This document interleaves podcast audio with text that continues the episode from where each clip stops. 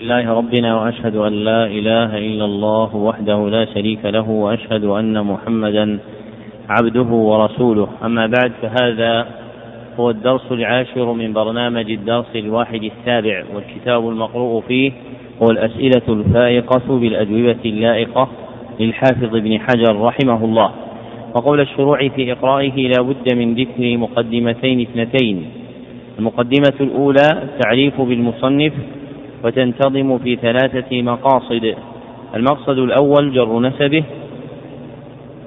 هو العلامة الحافظ أحمد بن علي ابن محمد الكناني العسقلاني. يكنى بأبي الفضل ويعرف بشهاب الدين. وبأمير المؤمنين في الحديث.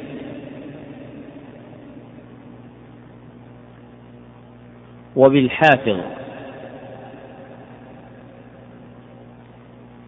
بحيث غلب عند المتأخرين قصده بهذا اللقب.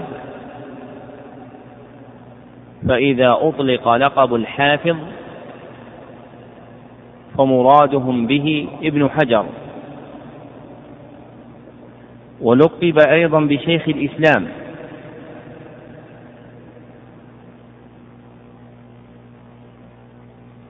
ويشاركه في هذا اللقب عند الشافعية أيضا ابن حجر الهيتمي. وما وجدته في كتب الشافعية الحديثية ككتب السخاوي والسيوطي وفيه قال شيخ الإسلام ابن حجر فالمراد به العسقلاني. وما وجدته في كتبهم الفقهية فيراد به ابن حجر الهيتمي. المقصد الثاني تاريخ مولده ولد في شهر شعبان سنة ثلاث وسبعين وسبعمائة. واختلف مترجموه في تعيين يوم ولادته بما لا يظهر فيه رجحان قول على آخر. المقصد الثالث تاريخ وفاته. توفي رحمه الله في شهر ذي الحجة. سنة اثنتين وخمسين بعد الثمانمائة ووقع لمترجميه من الخلاف في تعيين يوم وفاته نظير خلافهم في يوم ولادته. وله من العمر تسع وسبعون سنة رحمه الله رحمة واسعة. المقدمة الثانية التعريف بالمصنف وتنتظم في ثلاثة مقاصد أيضا. المقصد الأول تحقيق عنوانه اسم هذا الكتاب الأسئلة الفائقة بالأجوبة اللائقة. ويصدق هذا شيئان اثنان أحدهما نسخته الخطية حيث أثبت هذا الاسم عليها. والثاني ذكر جماعة من العلماء له بهذا الاسم منسوبا إلى ابن حجر ومنهم تلميذه السخاوي في كتاب الجواهر والدرر. المقصد الثاني بيان موضوعه هذه الرسالة جواب عن أسئلة خمسة رفعت للحافظ ابن حجر فأجاب عنها. المقصد الثالث توضيح منهجه. أورد رحمه الله تعالى الأسئلة الخمسة بحكاية معناها عن السائل. دون ذكر لفظه المخصوص. ثم أتبع كل سؤال بجوابه.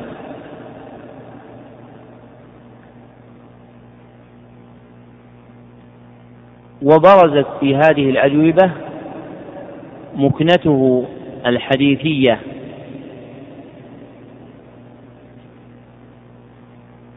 ومعرفته التاريخية. وقد كان رحمه الله تعالى إماما مقصودا في هذين الفنين واشتغاله بالتاريخ متقدم على اشتغاله بالحديث فقد برع بالتاريخ وحبب بالتاريخ إليه الحديث فتوجهت همته إليه حتى شهر به. نعم. لحظة إبراهيم. الأخ اللي وراك يا أخي. في أحد هنا أقبل علينا جزاك الله خير. أقول أقبل علينا بوجهك. خليك هنا يا أخي خليك تبي تتكي اذهب إلى هناك. تبي تتكي روح أمامنا. أما واحد يجلس في المجلس ويعطينا جنبه هذا ما يليق. إذا بيجلس الإنسان يجلس ويعطينا وجهه. وهذه هي السنة في خطبة الجمعة أن يتوجه المصلي إلى الإمام بوجهه أما يعطيه جنبه هذا خلاف الأدب. وفي مجالس العلم كذلك الحال. إذا أراد أن يتكي الإنسان لحاجة يتكي لكن يتكي ويعطي معلمه وجهه. نعم. الله بسم الله الرحمن الرحيم. الحمد لله رب العالمين وصلى الله وسلم وبارك على عبده ورسوله نبينا محمد وآله وصحبه أجمعين. اللهم اغفر لنا ولشيخنا وللحاضرين ولجميع المسلمين. قال المؤلف رحمه الله تعالى بسم الله الرحمن الرحيم. اللهم صل على محمد وآله وصحبه وسلم. الحمد لله وسلام على عباده الذين اصطفى. سألتم رضي الله عنكم وأدام لكم التوفيق وأرشدكم إلى سواء الطريق. عن حديث فاطمة بنت قيس في الجساسة وهل فيه علة لأجلها لم يخرجه البخاري. فإنه لا يقال إنه تركه لأجل الطول فإنه ليس في الباب شيء يغني عنه. وأيضا فإن الصحابة رضي الله عنهم اختلفوا وشكوا في ابن صياد حتى بعد موت النبي صلى الله عليه وسلم فلو سمعوا هذه الخطبة لما أشكل عليهم. ولا يمكن أن تكون فاطمة بنت قيس رضي الله عنها سمعته وحدها إذ هو خاص بل هو أمر عام انتهى. والجواب إن هذا السؤال يتضمن أمورا أولها أنه لم يخرجه البخاري وانفرد بإخراجه مسلم. فأقول ليست له علة قادحة تقتضي درك البخاري لتخريجه وطوله لا يقتضي العدول عنه فإنه أخرج عدة فإنه أخرج عدة من الطوال ولم يختصرها في بعض المواضع مع, أن حاجته منها إنما هي لبعض الحديث كما في حديث الإفك حيث أخرجه بطوله في كتاب الشهادات في باب تعديل النساء.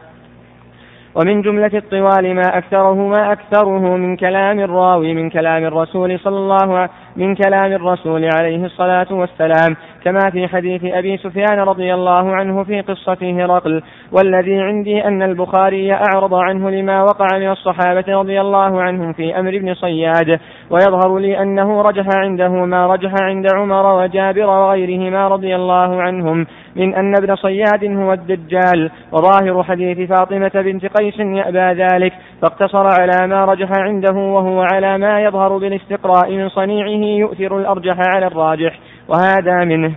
الأمر الثاني ما تضمنه السؤال الإشارة إلى أن الصحابة رضي الله عنهم رضي الله عنهم لو سمعوا الخطبة التي نقلتها فاطمة بنت قيس رضي الله عنها لما شكوا حتى بعد موت النبي صلى الله عليه وسلم في ابن صياد. فأقول بل ورد أن بعض الصحابة الذين سمعوا الخطبة كما سمعتها فاطمة رضي الله عنها استمروا على الشك في كون ابن صياد هو الدجال كما سأبينه. الأمر الثالث الإشارة إلى أن فاطمة بنت قيس رضي الله عنها تفردت برواية الخطبة المذكورة مع استبعاد أن تكون سمعتها وحدها فما السر في كون بقية من سمعها معها لم يروها كما روتها. فأقول لم تنفرد فاطمة رضي الله عنها بسماعها ولا بروايتها بل جاءت القصة مروية عن جماعة من الصحابة غيرها ودل ورودها علينا من رواية عائشة أم المؤمنين وأبي هريرة وجابر وغيرهم رضي الله عنهم على أن جماعة آخرين رووها وإن لم تتصل بنا روايتهم. أما حديث عائشة وأبي هريرة رضي الله عنهما فهو عند الإمام أحمد في مسنده أورد أورده في مسند فاطمة بنت قيس رضي الله عنها فقال فيه حدثنا يحيى بن سعيد هو القطان حدثنا مجالد عن عامر هو الشعبي قال قدمت المدينة فأتيت فاطمة بنت قيس رضي الله عنها فحدثتني أن زوجها طلقها فذكر الحديث وفيه فلما أردت أن أخرج قالت اجلس حتى أحدثك حديثا عن رسول الله صلى الله عليه وسلم. قالت خرج رسول الله صلى الله عليه وسلم يوما من الأيام فصلى صلاة الهاجرة ثم قعد يعني على المنبر ففزع الناس وقال اجلسوا أيها الناس فإني لم أكن مقامي هذا الفزع ولكن تميم الداري أتاني فأخبرني خبرا يمنعني من القيلولة من الفرح. الحديث بطوله. وفيه قال عامر فلقيت المحرر بن أبي هريرة فحدثته بحديث فاطمة بنت قيس رضي الله عنها فقال أشهد على أبي أنه حدثني كما حدثتك فاطمة غير أنه قال إنه في نحو المشرق. ثم لقيت القاسم بن محمد فذكرت له حديث فاطمة بنت قيس رضي الله عنها. فقال أشهد على عائشة رضي الله عنها أنها حدثتني كما حدثتك فاطمة غير أنها قالت الحرمان عليه حرام مكة والمدينة.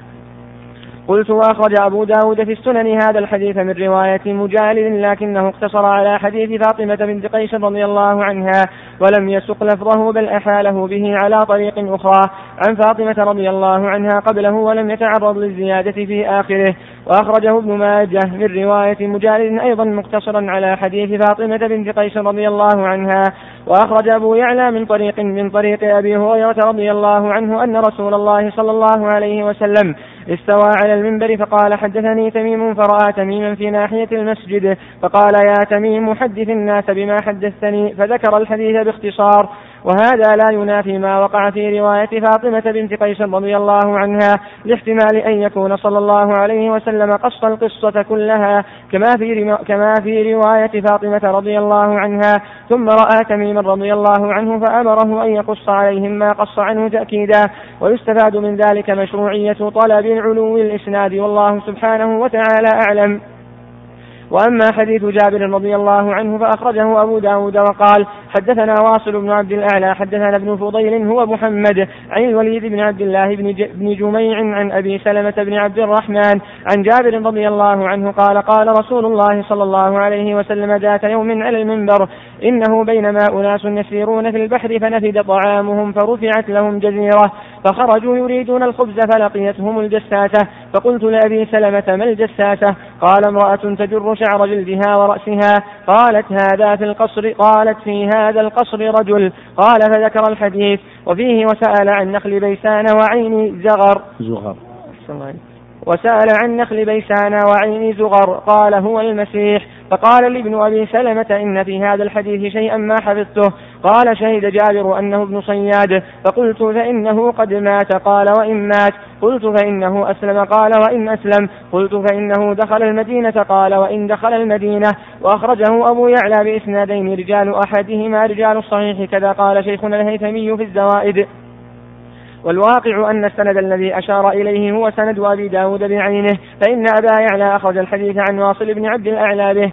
الأمر الرابع في إيضاح هذا الإشكال وهو أبن وهو أن ابن صياد على ما تضمنته الأخبار الواردة فيه ولد بالمدينة ونشأ بها وجرى له في زمن النبي صلى الله عليه وسلم أمور. منها في الصحيحين توجه النبي صلى الله عليه وسلم إلى المكان الذي هو فيه ووجده في قطيفة له فيها زمزمة.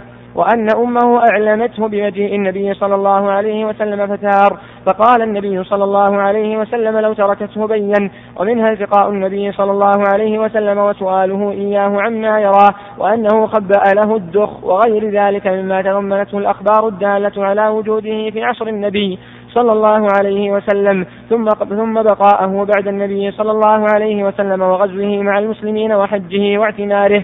وتزوجه بالمدينة وولد له بها وولد له بها. وفي ذلك قصص له مع أبي سعيد الخدري ومع ابن عمر رضي الله عنهما. وكان هو يتبرأ من ذلك إذا بلغه أن الناس يرمونه بأنه الدجال. ويستدل بأنه غيره بالأمور التي هو متصف بها. إذ ذاك مما يخالف صفات الدجال. لكن ظهرت عليه مخايل تنبئ على صدق فراستهم فيه. حتى أنه كان يرمز أحيانا ويكاد يصرح بأنه هو. ولذلك كان جماعة من الصحابة رضي الله عنهم يجزمون بأنه هو. كما في الصحيحين عن عمر وعن جابر رضي الله عنهما وأخرج الإمام أحمد من حديث أبي ذر رضي الله عنه قال لأن أحلف عشر, مر عشر مرار أن ابن صياد هو الدجال. أحب إلي من أن أحلف أنه ليس به وسنده صحيح. وفي حديث ابن مسعود رضي الله عنه قال لأن أحلف تسعا أن ابن صياد هو الدجال. أحب إلي من أن أحلف واحدة أنه ليس به. أخرجه الطبراني وقد ثبت وقد ثبت أن أبا ذر رضي الله عنه من أصدق الناس لهجة وأن عمر رضي الله عنه ينطق الحق على لسانه فلا يقدمان على الحلف بأن ابن صياد الدجال إلا بعد وضوح ذلك لهما. ولكن توقف النبي صلى الله عليه وسلم في ذلك في قوله لعمر رضي الله عنه لما أراد قتله إن يكن هو فلن تسلط عليه يقتضي عدم الجزم. ولعل النبي صلى الله عليه وسلم أمر بأن لا يفصح أمر بأن لا يفصح بحاله فاستمر على التردد. وفي تقريره تميما رضي الله عنه على قصة الجساسة وما ذكر معها مما يقوي التردد فيه. ومع ذلك في قول من قال في الحديث الذي أخرجه أبو داود كما تقدم أنه ابن صياد ولو أسلم ولو دخل المدينة ولو مات إشارة إلى أن أمره ملتبس وأنه جائز أن يكون ما ظهر من أمره إذ ذاك. لا ينافي ما يقع منه بعد خروجه في آخر الزمان وحينئذ فيحتمل في طريق الجمع بين خبر بين خبر تميم الداري. وما عرف من حال ابن صياد أن الله سبحانه وتعالى أخرجه إلى الجزيرة المذكورة على الصفة المذكورة في ذلك الوقت حتى رآه تميم ومن معه وأخبر النبي صلى الله عليه وسلم بما سمع منه. في ذلك ليكون موعظة وتحذيرا من فتنته إذا خرج. وفيه إشارة إلى أن أموره ملتبسة غير متضحة ويحتمل أن يكون الله سبحانه وتعالى أظهر لأولئك مثالا على صفته بما يؤول إليه حاله. بعد أن يتحول من المدينة الشريفة التي من شأنها أن تنفي خبثها. وفيه إشارة إلى أن أموره ملتبسة غير متضحة ويحتمل أن يكون الله سبحانه وتعالى أظهر لأولئك مثالا على صفته بما يؤول إليه حاله. بعد أن يتحول من المدينة الشريفة التي من شأنها أن تنفي خبثها. أن تنفي خبثها. أن تنفي خبثها وأنه يسجن في تلك الجزيرة إلى أن يأذن الله تعالى في خروجه في الوقت الذي يريده ويكون ذلك من جملة الأمور التي يستمر بها خفاء حاله وعدم الوقوف على حقيقة أمره لما يريده الله تعالى من الافتتان به في أول أمره وفي آخره. وقد اختلف في الوقت الذي فقد فيه فأخرج أبو داود من طريق الأعمش عن سالم بن أبي الجعد عن جابر بن عبد الله رضي الله عنهما قال فقد ندى صياد يوم الحرة وسنده صحيح وجزم جماعة بأنه مات في هذا الحدود ولكن وقع لي أمر يقتضي أنه لم يمت وإن كان فقده فأخرج أبو نعيم في أوائل تاريخ أصبهان من له من طريق جعفر بن سليمان الضبعي. عن شبيل بن عزرة قال حدثني حسان بن عبد الرحمن عن أبيه قال لما افتتحنا أصبهان كان بين عسكرنا وبين اليهودية يعني, بل يعني بلدا بأصبهان فرسخ فكنا نأتيها فنمتار فنمتار منها فأتيتها يوما فإذا اليهود يزفنون يزهنون ويضربون فأتيت صديقا لي منهم فقلت ما شأنكم؟ أتريدون أن تنزعوا يدا من طاعة الله؟ فقال لا ولكن ملكنا الذي نستفتح به على العرب يدخل المدينة غدا. فذكر القصة. وفيها أنه بات هناك فلما أصبح رأى اليهود مج... رأى اليهود مجتمعين مجتمعين وبينهم رجل عليه قبة من ريحان وهم حوله يزفنون ويضربون. قال فنظرت ف... فإذا هو ابن صياد فلم, فلم نره بعد انتهى. فإذا ثبت هذا الأثر فلعله لما خرج من المدينة النبوية صاحبه العسكر إلى واصل إلى أصبهان. ودخلها أحد منها إلى المقر الذي يحبس فيه إلى أن يؤذن له في الخروج.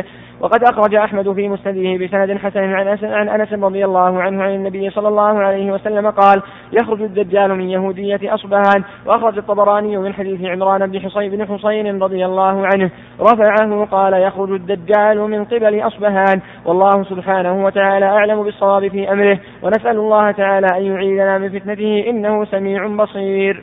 ذكر المصنف رحمه الله تعالى هنا جواب السؤال الأول الذي رفعه إليه السائل وهو سؤاله عن حديث فاطمة بنت قيس بالجساسة وعن ترك البخاري له عن علة تركه فلا يقال إنه تركه لأجل الطول لأنه ليس في الباب شيء غيره. وأيضا فإن الصحابة قد اختلفوا وشكوا في ابن صياد ولو سمعوا تلك الخطبة لما شكوا في ذلك. وأجاب الحافظ رحمه الله تعالى عن هذا السؤال بأنه يتضمن أمورا. أولها أن هذا الحديث لم يخرجه البخاري وانفرد بإخراجه مسلم. وهذا الترك ليس لعلة قادحة تقتضي ترك البخاري لتخريجه. والبخاري رحمه الله تعالى ربما عدل عن أحاديث يصححها لا لأجل علة.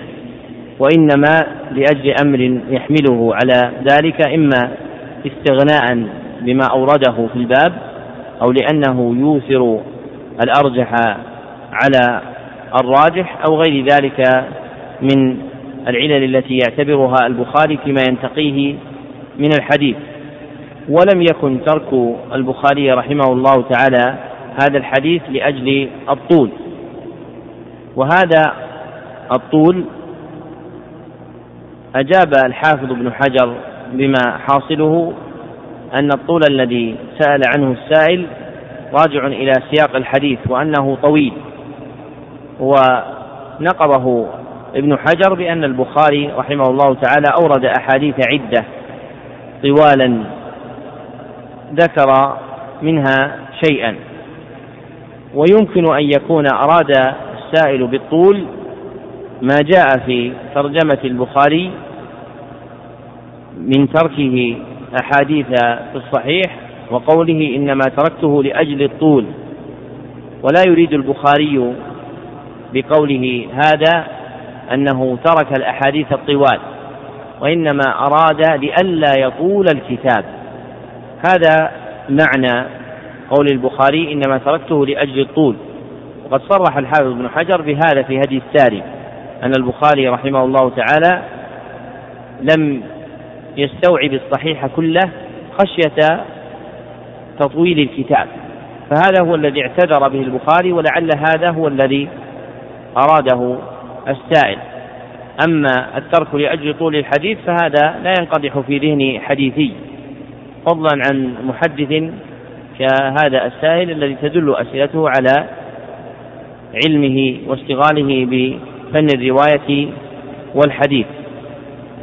وأهل الحديث رحمهم الله تعالى قد اعتنوا بالأحاديث الطوال فصنف فيها الطبراني وصنف فيها ابن الأثير وكلاهما قد طبع كتابه كتاب الطبراني في آخر المعجم الكبير وكتاب ابن الأثير طبع مفردا وهي من الأحاديث التي ينبغي أن يعتني طالب العلم بفهمها لأنه يوجد في بعضها من العلم ما يجمع أصولا نافعة وانظر إلى شرح الحافظ ابن القيم رحمه الله تعالى لبعض الأحاديث الطوال في الوفود في زاد المعاد وكم استنبط منها من الفوائد.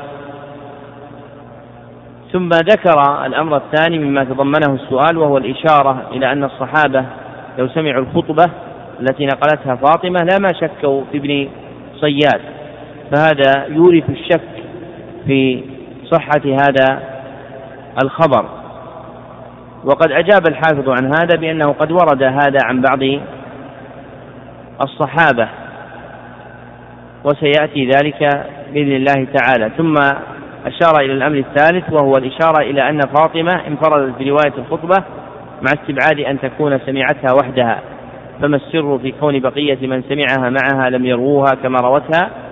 وأجاب الحافظ رحمه الله تعالى بأن قصة الجساسة قد رويت من غير حديث فاطمة فرويت من حديث عائشة وأبي هريرة وساقه المصنف من طريق مسند أحمد. ثم ذكر أن أبا داود وابن ماجه أخرجاه مقتصرين على حديث فاطمة. وهذا الإسناد الذي رويت به هذه الأحاديث الثلاثة مجموعة وهي حديث فاطمة ثم تصديق أبي هريرة ثم تصديق عائشة للسائل. إسنادها ضعيف لضعف مجالد ابن سعيد الهمداني راوي الحديث عن الشعبي.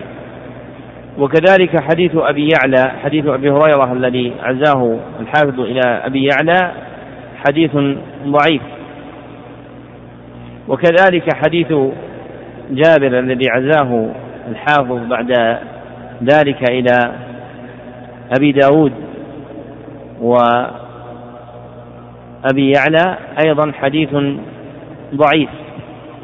فلا يثبت من الأحاديث المروية في قصة الجساسة إلا حديث فاطمة بنت قيس فهو حديث فرد.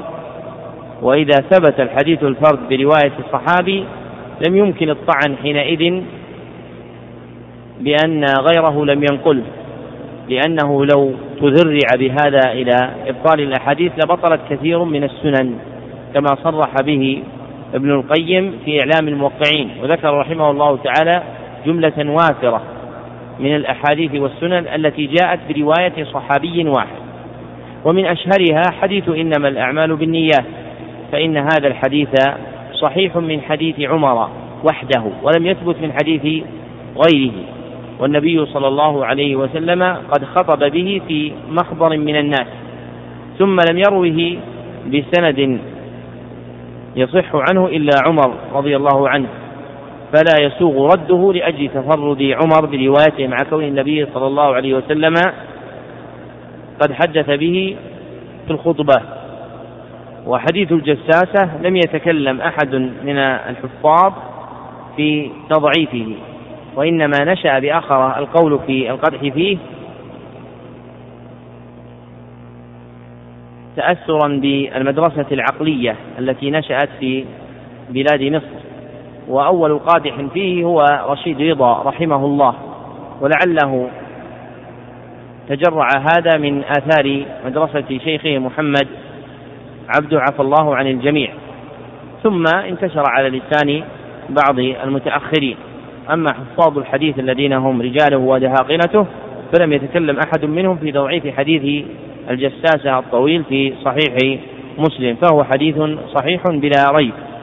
ثم ذكر الأمر الرابع في إيضاح هذا الإشكال وهو أن ابن صياد على ما تضمنته الأخبار الواردة فيه ثبتت له جملة من الصفات والأحوال منها أنه ولد بالمدينة ونشأ بها وجرى له زمن النبي صلى الله عليه وسلم أمور كمجيء النبي صلى الله عليه وسلم إليه ووجده في قطيفة له فيها زمزمة والتقاء النبي صلى الله والتقاء النبي صلى الله عليه وسلم به وسؤاله عما يرى وأنه خبأ له خبيئة ثم بقي ابن صياد بعد النبي صلى الله عليه وسلم وغزا مع المسلمين وحج واعتمر وتزوج وولد له. وفي ذلك قصص ثابتة في الصحيحين وغيرهما مع أبي سعيد وابن عمر. وكان هو يتبرأ من كونه الدجال. وله أحوال أورثت في قلب غيره الشك فيه فكان بعض الصحابة يقسم بأنه هو المسيح الدجال ومن هؤلاء عمر وأبي ذر وابن عمر في آخرين كانوا يقسمون أنه الدجال. وإنما أقسموا باعتبار ما وقع في علمهم وإذا وقع للإنسان علم فأقسم عليه يظنه الصحيح كان قسمه سائغا.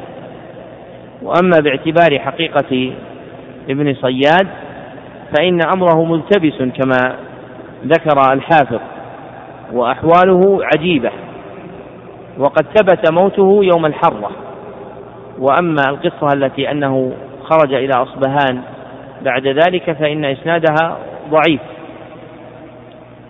والحافظ رحمه الله تعالى في الفتح انفصل إلى القول بأن الراجح أن ابن صياد ليس هو المسيح الدجال ولكن وقعت له أحياء أحوال شيطانية التبست بها حاله على الناس. وقد اختار هذا جماعة من أهل العلم كالبيهقي وابن كثير في آخرين. فالذي يظهر والله أعلم أن ابن صياد مع شدة التباسه ليس هو المسيح الدجال. وكان فيه وصف من الدجل في أول أمره بتكهنه وشيطنته على اليهودية ثم بعد ذلك أسلم وجاهد وحج ودخل مكة وولد له ولد. كان رجلا صالحا من أصحاب سعيد بن المسيب يقال له عمارة ابن عبد الله بن صياد. فالأشبه والله أعلم أن ابن صياد ليس هو المسيح الدجال. والأحاديث التي وردت في خروج المسيح الدجال من يهودية أصبهان لا يثبت منها حديث وهي التي ختم بها المصنف. وإنما الثابت كما في صحيح مسلم أنه يخرج معه سبعون ألفا من يهود أصبهان. وهذا لا يقتضي أن يكون خروجه من أصبهان ولكن يقتضي أن يكون ممن ينصره. على قوله يهود أصبهان. نعم. قال فصل وسألتم رضي الله عنكم عن أحاديث في سنن أبي داود ظاهرها الصحة ظاهرها الصحة إلى الغاية ولم يخرجها الشيخان وليس شيء يغني عنها ولا يركن القلب إلى أن يكون تركها لأجل الطول. وأقول في الجواب عن ذلك إنه لا يلزم من الحديث إذا كان ظاهره الصحة. أن يكون في أعلى درجات الصحيح التي عرف بالاستقراء أن محط قصد الشيخين تخريج مثل تخريج مثل ذلك. وأنه إن وقع عندهما أو عند أحدهما ما ظاهره يخالف ذلك فلكل منهما في كل فلكل منهما في كل من ذلك عذر يتعسر أن يجاب عنه بقاعدة كلية بل يجاب عن كل حديث طردا وعكسا بما يليق به وسيظهر بعض ذلك عند ال... وسيظهر بعض ذلك عند الجواب عن الأحاديث التي ذكرت التي ذكرت هنا مثالا وهي ثلاثة. الحديث الأول فيما ذكرتم قال أبو داود حدثنا موسى بن إسماعيل حدثنا حماد عن أيوب عن عكرمة عن بعض أزواج النبي صلى الله عليه وسلم أنه كان إذا أراد من الحائض شيئا ألقى على فرجها ثوبا السائل قال في هذا السؤال قال لا يركن القلب إلى أن يكون تركها لأجل الطول. ثم أورد أحاديث أولها حديث عكرمة عن بعض أزواج النبي صلى الله عليه وسلم. هل هذا حديث طويل أم قصير؟ قصير أم طويل؟ قصير. فيكون مراد السائل طول الكتاب ولا طول الحديث؟ طول الكتاب. يعني أن البخاري ومسلم ترك أحاديث خشية الطول كما صرح به البخاري. نعم. قال فأقول هذا الإسناد ظاهره الصحة كما قلتم لكنه ليس على شرط البخاري. من أجل حماد هو ابن سلمة وليس, ابن وليس هو ابن زيد لأن موسى بن, ابن إسماعيل إذا روى عن حماد ولم ينسبه فهو ابن سلمة وإذا روى عن حماد بن زيد فإنه ينسبه كما قدره ابن الصلاح. ثم المزي ومن تبعهما.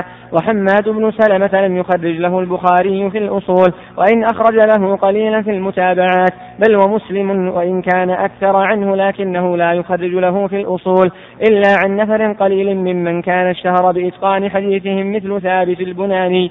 وإذا أخرج له عن غيرهم فإنما يخرج له في المتابعات. ومن ثم يظهر أنه ليس على شرط مسلم أيضا لأنه عن أيوب عن أيوب. ومن أجل عكرمة فإن مسلما لم يخرج له في الأصول شيئا بل ولا في المتابعات إلا يسيرا.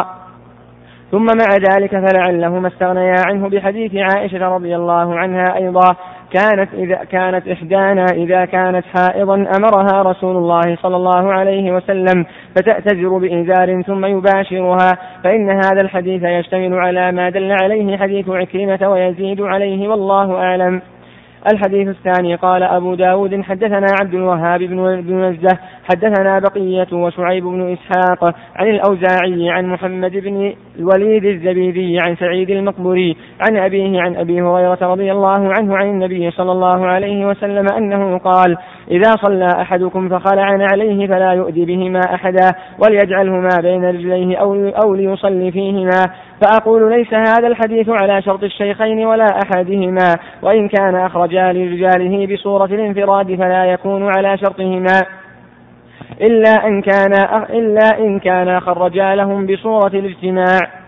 وهذا كالحديث الذي أخرجه أبو داود من رواية همام عن ابن جريج عن الزهري عن أنس رضي الله عنه في نزع الخاتم عند دخول الخلاء فإن أبا داود قال بعد أن أخرجه هذا حديث منكر وأخرجه النسائي فقال هذا حديث غير محفوظ. كذا قال مع أن الشيخين قد أخرجا لرواته لكن بصورة الانفراد إلا أن رواية همام عن ابن جريج ليست من شرطهما لأن هماما سمع من ابن جريج بالبصرة وابن, وابن جريج حدث بالبصرة بأحاديث وهم فيها.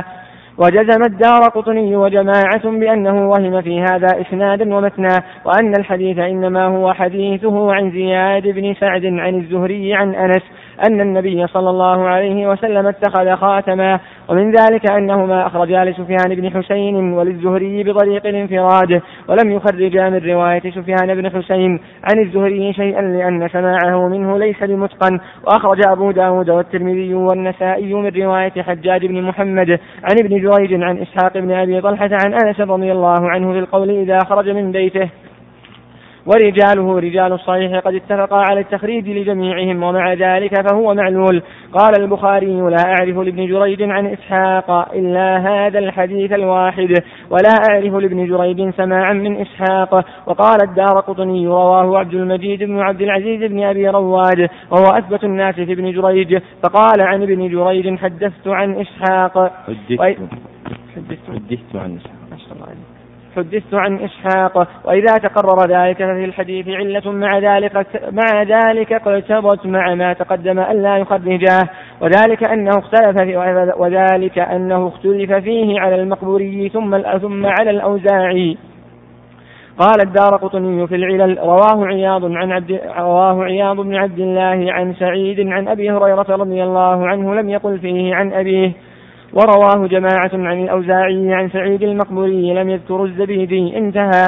ولعل الشيخين استغنيا عنه بحديث سعيد بن يزيد أبي سلمة أبي, أبي مسلمة عن أنس رضي الله عنه أن النبي صلى الله عليه وسلم كان يصلي في نعليه. والله سبحانه وتعالى أعلم بالصواب.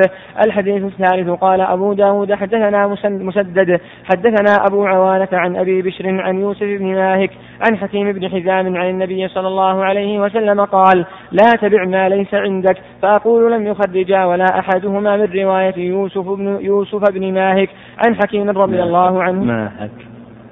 ماهك بالفتح الهاء. من رواية يوسف بن ماهك عن حكيم رضي الله عنه شيئا. ومع ذلك فقد رواه يحيى بن أبي كثير عن يعلى بن حكيم عن يوسف عن يوسف بن ماهك فأدخل بينه وبين حكيم رجلا وهو عبد الله بن عصمة. ذكر ذلك المزي في الأطراف وليس عبد الله بن عصمة من رجال الشيخين ولا أحدهما. وقد أخرج الإمام أحمد من طريق يحيى بن أبي كثير عن رجل عن يوسف بن ماهك عن عبد الله بن عصمة عن حكيم بن حزام رضي الله عنه حديثا آخر. والله سبحانه وتعالى أعلم بالصواب. ذكر المصنف رحمه الله تعالى هنا فصلا في جواب السؤال الثاني الذي تضمن السؤال عن أحاديث في سنن أبي داود.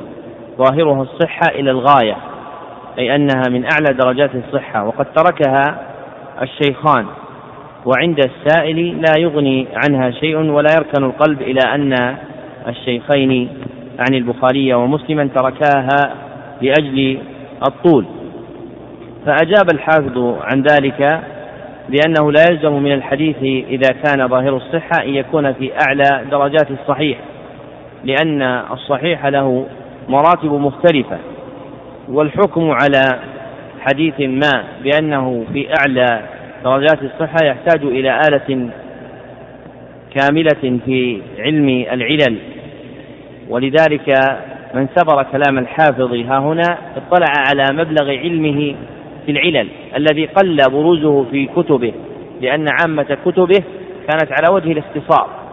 ولهذا يقول بعض العصر أهل العصر إن من المتأخرين من بز الحافظ ابن حجر في العلل لكنهم لو أمعنوا النظر في الأجزاء التي أفردها الحافظ في بعض الأحاديث أو مثل هذا الجواب عرفوا مقدار علمه في العلل وهو لكثرة تصنيفه كان يجري على الاختصار في الكلام على الأحاديث. وسنرى كيف أنه بين علل جملة من الأحاديث هنا يرى السائل أنها من الصحيح العالي الذي ينبغي أن يدخله الشيخان في كتابيهما.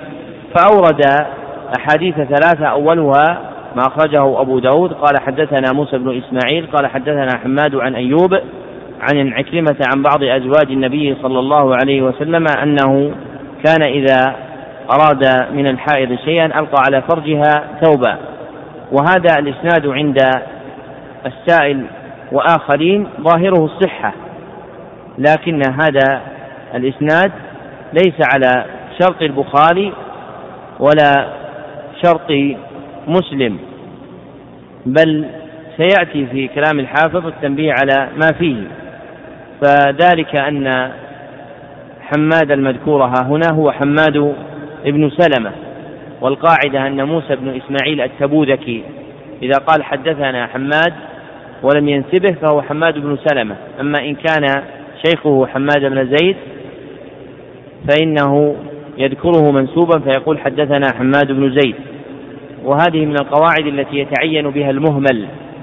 فإن المهمل الذي يشتبه اسمه باثنين في طبقة واحدة يحتاج إلى قواعد يتميز بها هذا عن هذا. كتمييزنا ها هنا بحماد أهو ابن سلمة أو ابن زيد بقولنا إن موسى بن إسماعيل التبوذكي إذا أطلق فقال حدثنا حماد فهو ابن سلمة. وقد سبق أن أقرأنا كتابا شديد النفع في هذا اسمه القواعد المفيدة في معرفة رجال الحديث للعلامة محمد بن عبد الله الصومالي رحمه الله وكان أمهر أهل العصر في معرفة هذا الباب وإنما قيد عنه شيء يسير نشر جزء منه وبقي أكثره لم ينشر بعد عند بعض تلاميذه وهذه القواعد نافعة. وهي قواعد معرفة الرجال وأهميتها للحديثي والمحدث كأهمية قواعد الفقه للفقيه. فإذا أتقنها المحدث عرف أن هذا الراوي هو فلان بن فلان بمجرد مرور الاسم عليه لأنه يستطيع بقاعدة معينة أن يعرف أن هذا هو فلان لأنه إذا أطلق كان المراد به. كقولهم كل عبد الله من الصحابة إذا أطلق عند أهل الكوفة فهو ابن مسعود. إلا حديثا واحدا كما نص عليه الحازمي وهو حديث أبي وائل الكوفي عن عبد الله. يقال لقارئ القرآن الحديث فإن عبد الله هذا هو عبد الله بن عمرو بن العاص رضي الله عنهما. الحاصل أن هذا الأصل من علوم الحديث وهو معرفة قواعد الرواية شديد النفع والعناية به قليلة مع مزيد الحاجة إليه.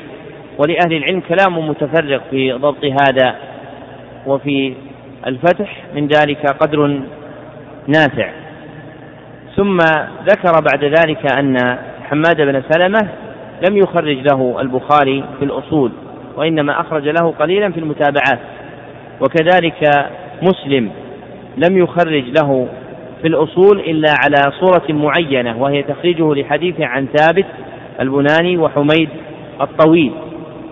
أما إذا روى حديث حماد عن غير هؤلاء كحديثه عن أيوب السختياني فإنه يجعله في المتابعات. فليس كل حديث حماد عند مسلم من الحديث العالي بل الحديث العالي من رواية حماد هو ما كان عن شيخه ثابت البناني لطول ملازمته وخاله حميد الطويل.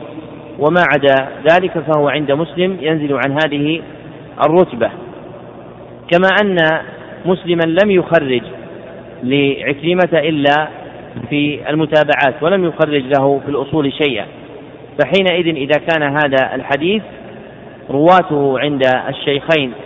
مخرج لهم في المتابعات فإن مسلما يخرج لحماد عن أيوب في المتابعة وكذلك البخاري لا يخرج لحماد أصلا إلا في المتابعة ثم إن مسلما لا يخرج لعكرمة إلا في المتابعة امتنع حينئذ القول بأن هذا الحديث من الدرجة العالية في الصحة وقد أعرض عنه الشيخان.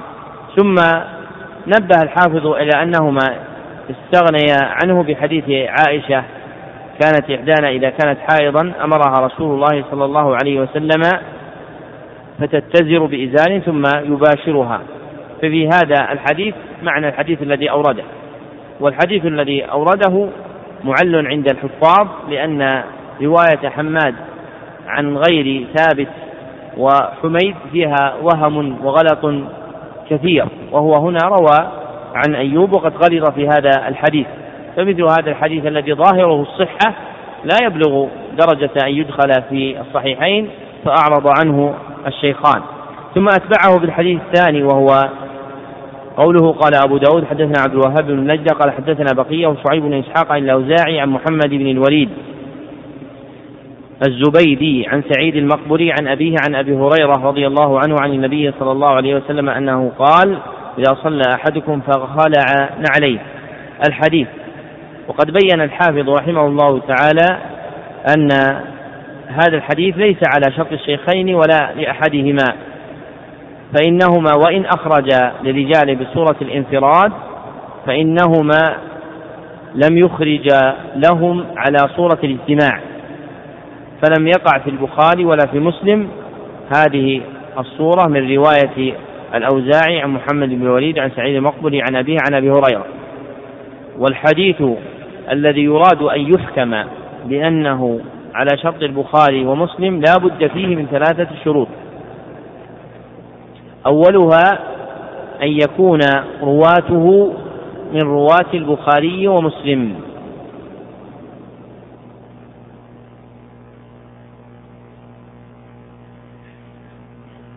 وثانيها أن يكون الشيخان قد خرجا لأولئك الرواة على الصورة المجتمعة.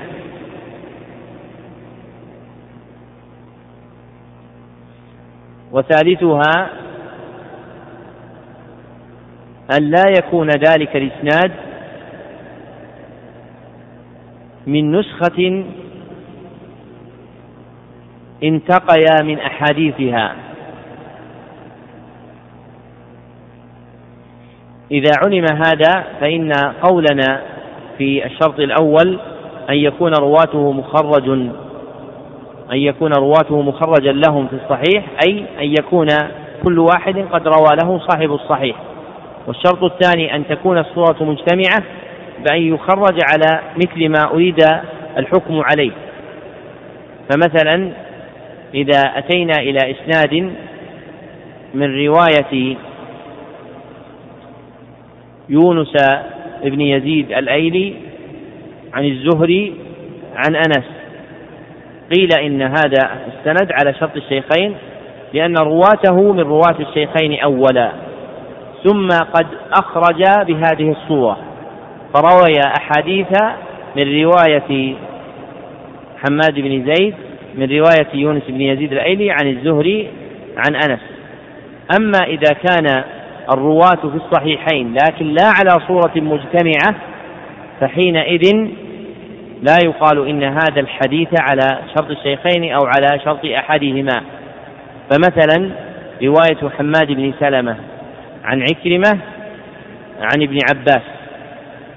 فإن حماد وعكرمة هما من رجال الشيخين وإن كان عند أحدهما للأصول وعند الآخر للمتابعة. لكن هذه الصورة المجتمعة برواية حماد عن عكرمة عن ابن عباس ليست في الصحيحين فلا بد أن توجد نفس هذه الصورة في الصحيحين.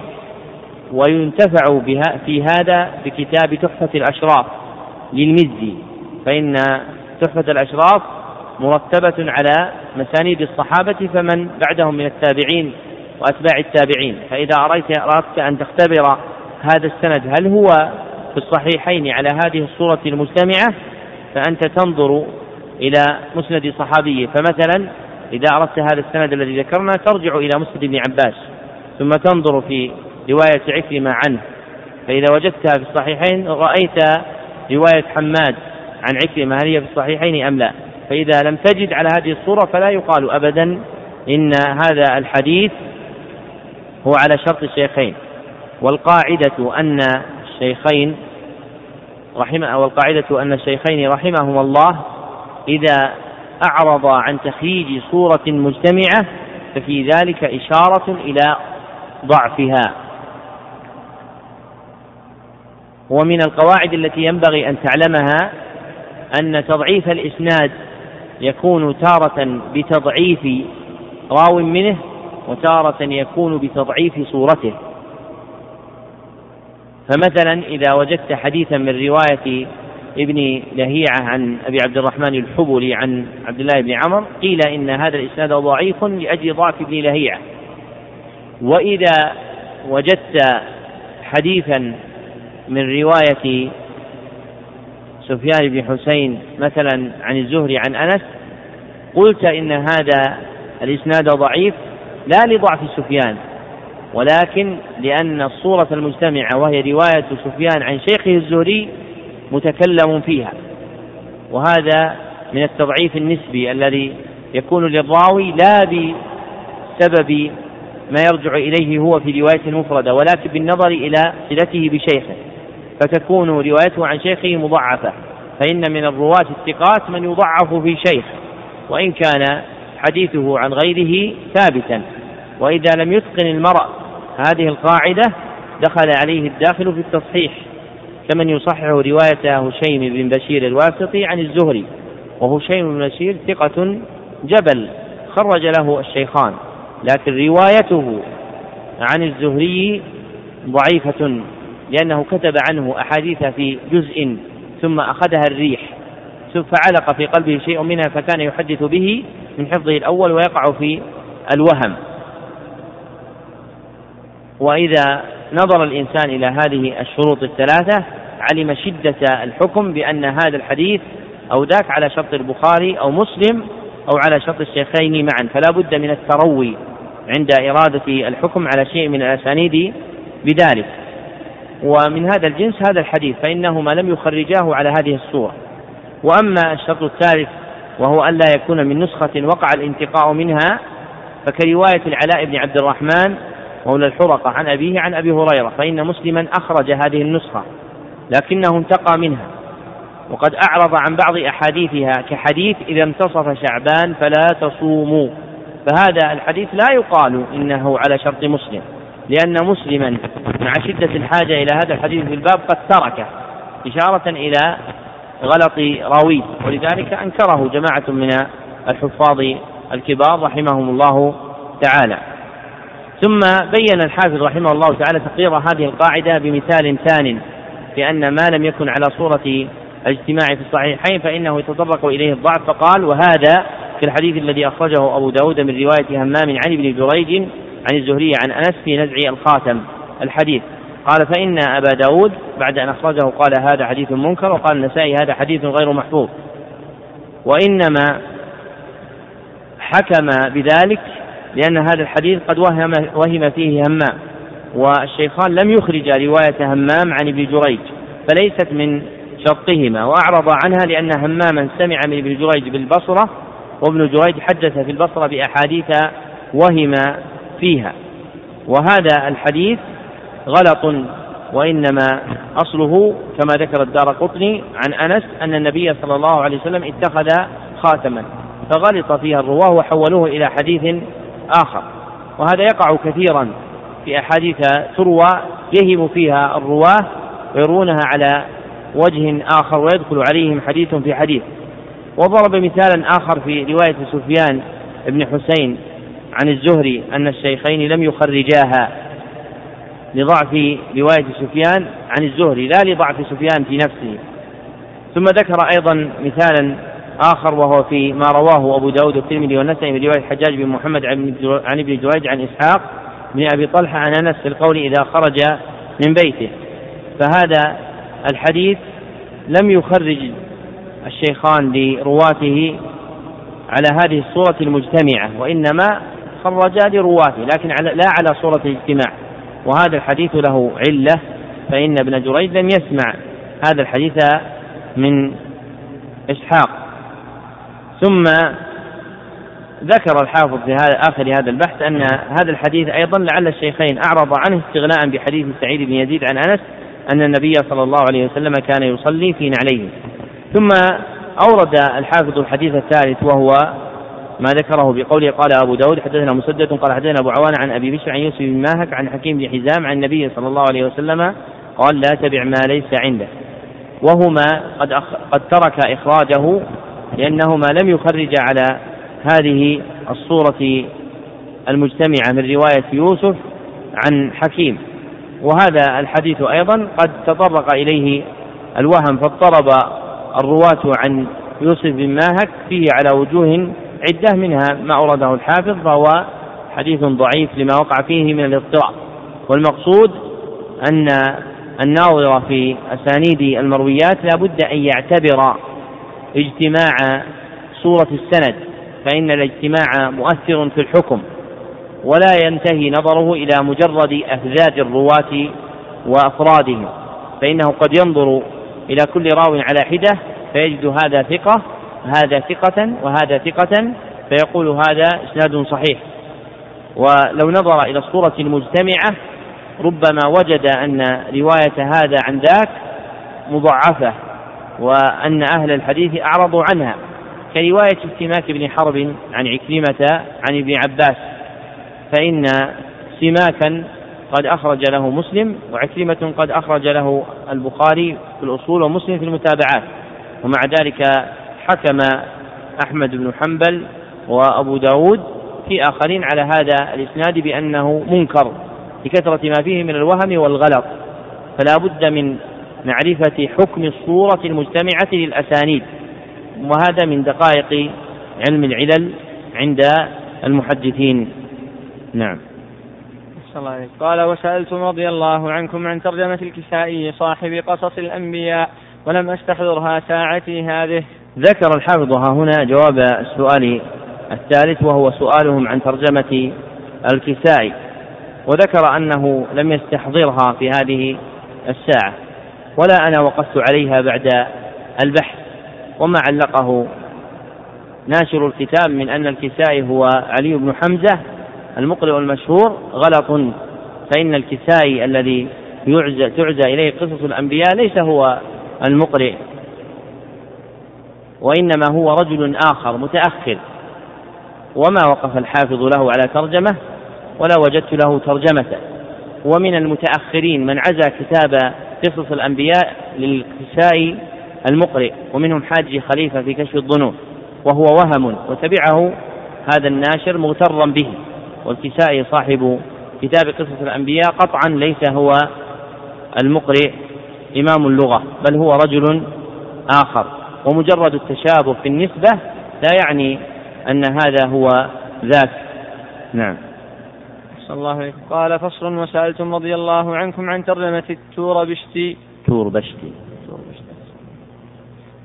عن ترجمة التور بشتي شارح المصابيح وهو فضل الله بن حسن بن حسين بن يوسف فلم أقف من خبره على كبير أمر إلا أني قد رأيت له ترجمة في الطبقات, في الطبقات الكبرى للقاضي تاج الدين السبكي ولم يفصح فيه بشيء وحاصله أنه كان في حدود الخمسين وستمائة وذكر القاضي على الدين الأداء على الدين بن خطيب بن خطيب الناصرية قاضي حلب منكرا على التاج إيراده في طبقات الشافعية أنه وقف في أثناء شرحه على ما يدل على أنه على ما يدل أنه حنفي المذهب فالله أعلم.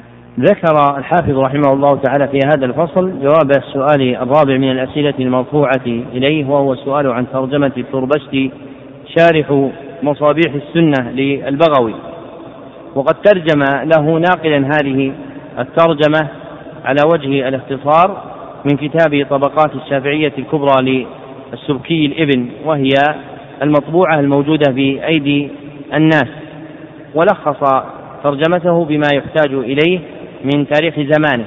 لكنه نقل عن علاء الدين بن خطيب الناصرية قاضي حلب ما يوجب الشك في كونه شافعيا. فإن ابن خطيب الناصرية ذكر أنه وقف في أثناء الشرح المذكور على ما يدل على أن مصنف ذلك الكتاب حنفي المذهب. فالله أعلم بحقيقة الحال. وكتاب شرح المصابيح في التربشتي قد حقق في رسائل عدة في جامعة الإمام محمد بن سعود قديما ولكنه لم ينشر حتى اليوم. نعم. الله عليكم قال وسألتم رضي الله عنكم عن بيان الحديث الحسن وهل له حد جامع مانع أو الأمر كما قال الذهبي في الموقظة أنه لا يطمع في ذلك وكلامه قريب من كلام ابن الجوزي أنه ما فيه ضعف محتمل. فأقول إن كان المراد السؤال عن الحديث الذي في الذي يوصف بالحسن لذاته فله حد عن على طريق التعريف الذي يقتنع به الفقهاء والمحدثون وهو الحديث المتصل السند برواة برواة معروفين بالصدق في ضبطهم. في ضبطهم قصور عن ضبط رواة الصحيح ولا يكون الحديث معلولا ولا شاذا.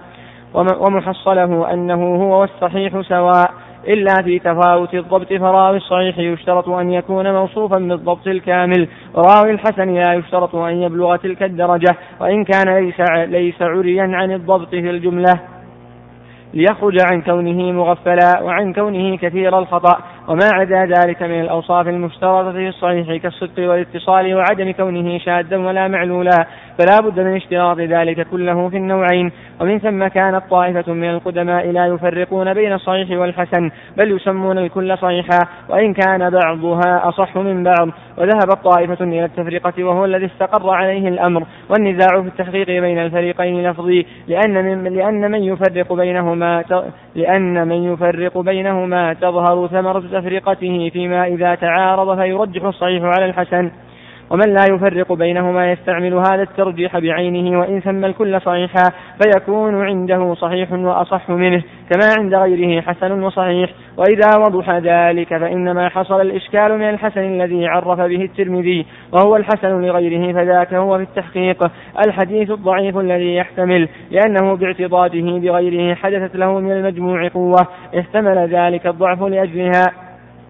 واقتضى تسميته عند الترمذي وغيره حسنا وذلك بي وذلك بين من تعريف الترمذي حيث قال في العلل التي في آخر الجامع ما نصه وما قلنا في كتابنا حديث حسن فإنما أردنا به حسن إسناده عندنا. كل حديث يروى لا يكون راويه متهما بالكذب ويروى من غير وجه نحوه. من غير وجه نحوه ولا يكون شاذا فهو عندنا حديث حسن فقوله لا يكون راويه متهما بالكذب يشمل يشمل رواية المستور والمدلس والمغفل والمعنعن والمنقطع والمنقطع بين ثقتين حافظين كالمرسل فكل هذا إذا ورد اقتضى التوقف في الاجتماع به للجهل بحال المذكور فيه أو الساقط فإن ورد مثله. أو معناه من طريق أخرى أو أكثر فإنها فإنها ترجح أحد الاحتمالين لأن المستور مثلا حيث يروي حيث يروى يحتمل أن يكون ضبط يروي. لأن المستور مثلا حيث يروى يحتمل أن يكون ضبط المروي. حيث يروي حيث يروي يكون حيث يروي يحتمل أن يكون ضبط المروي. ضبط المروي. ضبط المروي. ويحتمل أن لا يكون ضبطه فإذا ورد مثل ما رواه أو معناه من وجه آخر غلب على الظن أنه ضبطه. وكلما كثر المتابع قوي الظن كما في أفراده التواتر فإن أولها من رواية الأفراد. ثم لا تزال تكثر إلى أن يقطع بصدق المروي. ولا يستطيع سامعه أن يدفع ذلك عن نفسه وإذا تقرر ذلك فيقول ابن الجوزي ومن تبعه أن الحديث الحسن ما كان فيه ضعف محتمل كلام صحيح في نفسه لكنه ليس على طريقة التعاريف فإن هذه صفة الحديث فإن هذه صفة الحديث الحسن الذي يوصف بالحسن إذا اعتضد بغيره حتى لو انفرد لكان ضعيفا واستمر عدم الاحتجاج به حتى إذا عضده عضدة عضده عاضد التقى فحسن. بل الحق ما أن نقول هو صفة الحسن مطلقا أعم من أن يكون وصف بالحسن لذاته. أو, لغير أو لغيره فالحسن لذاته إذا عارض الصحيح كان مرجوحا والصحيح راجحا فضعفه بالنسبة إلى ما هو أرجح منه والحسن لغيره أصله ضعيف وإنما طرأ عليه الحسن بالعاضد الذي عضده فاحتمل لوجود العاضد ولو العاضد ولولا العاضد لاستمرت صفة الضعف فيه كما تقدم والله أعلم. وهنا انتهى الكلام خاتمة الكتاب وهنا انتهى الكلام عن الأسئلة. خاتمة الكتاب من الكتاب. هذه من الزيادات اللي ما تقرأ التي يزيدها المحققون. نعم. وهنا انتهى الكلام عن الأسئلة الفائقة بالأجوبة اللائقة وأستغفر الله تعالى من خطأ وقع لي فيها أو خطل وألتمس ممن وقف عليها أن يصلح ما فيها من خلل قاصدا بذاك الإفادة. بل بلغه الله مرتبة الحسنى وزيادة إنه على كل شيء قدير. قاله وكتبه أحمد بن علي بن محمد بن, بن محمد بن علي بن حجر الشافعي حامدا لله تعالى ومصليا على نبيه محمد وعلى آله وصحبه ومسلما. ختم المصنف رحمه الله تعالى هذا الكتاب بالجواب عن السؤال الخامس المتعلق ببيان حد الحديث الحسن وهل له حد جامع أم أنه لا يطمع في ذلك. فأجاب رحمه الله تعالى بأنه إن كان المراد السؤال عن الحديث الذي يوصف بالحسن لذاته فله حد على طريق التعريف الذي يقتنع به الفقهاء والمحدثون. وعرفه رحمه الله تعالى بقوله هو الحديث المتصل السند برواة معروفين بالصدق في ضبطهم قصور عن ضبط رواة الصحيح ولا يكون الحديث معلولا ولا شاذا. وهذا معنى ما ذكره هو وغيره من أهل العلم بأن الحسن هو ما اتصل سنده بنقل عدل خف ضبطه من غير شذوذ ولا علة. ما اتصل سنده بنقل عدل خف ضبطه من غير شذوذ ولا علة. وقد أورد الصنعاني رحمه الله تعالى في توجيه الأنظار في شرح توجيه الأنظار على هذا الحد إرادا قويا وهو أن خفة الضبط وصف مشترك بين الراوي الذي يحسن حديثه وبين الراوي الذي يضعف حديثه ممن ساء حفظه. فإن من ساء حفظه ووقع منه الغلط من الرواة المضعفين هو خفيف الضبط. ولا يقال إن ضبطه زائل بل إن ضبطه موجود لكنه خفيف. واقتضى ذلك الإيراد الذي أورده إلى تصحيح زيادة ما يدل على القبول. وذلك بأن نقول وما اتصل سنده بنقل عدل خف ضبطه وقبل ليخرج من خف ضبطه ولم يقبل وهو الراوي المضعف ويستتم التعريف إلى آخره كما ذكرنا سابقا من غير شذوذ ولا علة. ثم بين رحمه الله تعالى ما كان عليه من سبق من تعبير طائفة من القدامى بالصحيح عما يشمل الحسن وأنهم كانوا لا يفرقون بينهما. وذهبت طائفة من التفرقة وهو الذي استقر عليه الأمر. والنزاع بين الطائفتين لفظي فإن الذي يقول صحيح لا يجعله صحيحا في أعلى الدرجات بل يقول صحيح من أدنى الدرجات. وهذه الدرجة هي التي سماها آخرون باسم الحسن. ثم نبه إلى مربط الإشكال ومجمعه وهو فيما إذا كان الحديث الحسن من جنس الحسن لغيره فهو الذي يعسر حده وهو الذي عبر عنه ابن الجوزي بقوله الحديث الضعيف الذي يحتمل فاحتمل ضعفه وأدخل في رتبة المقبول. وهو الذي أشار إليه الترمذي رحمه الله تعالى في آخر الجامع.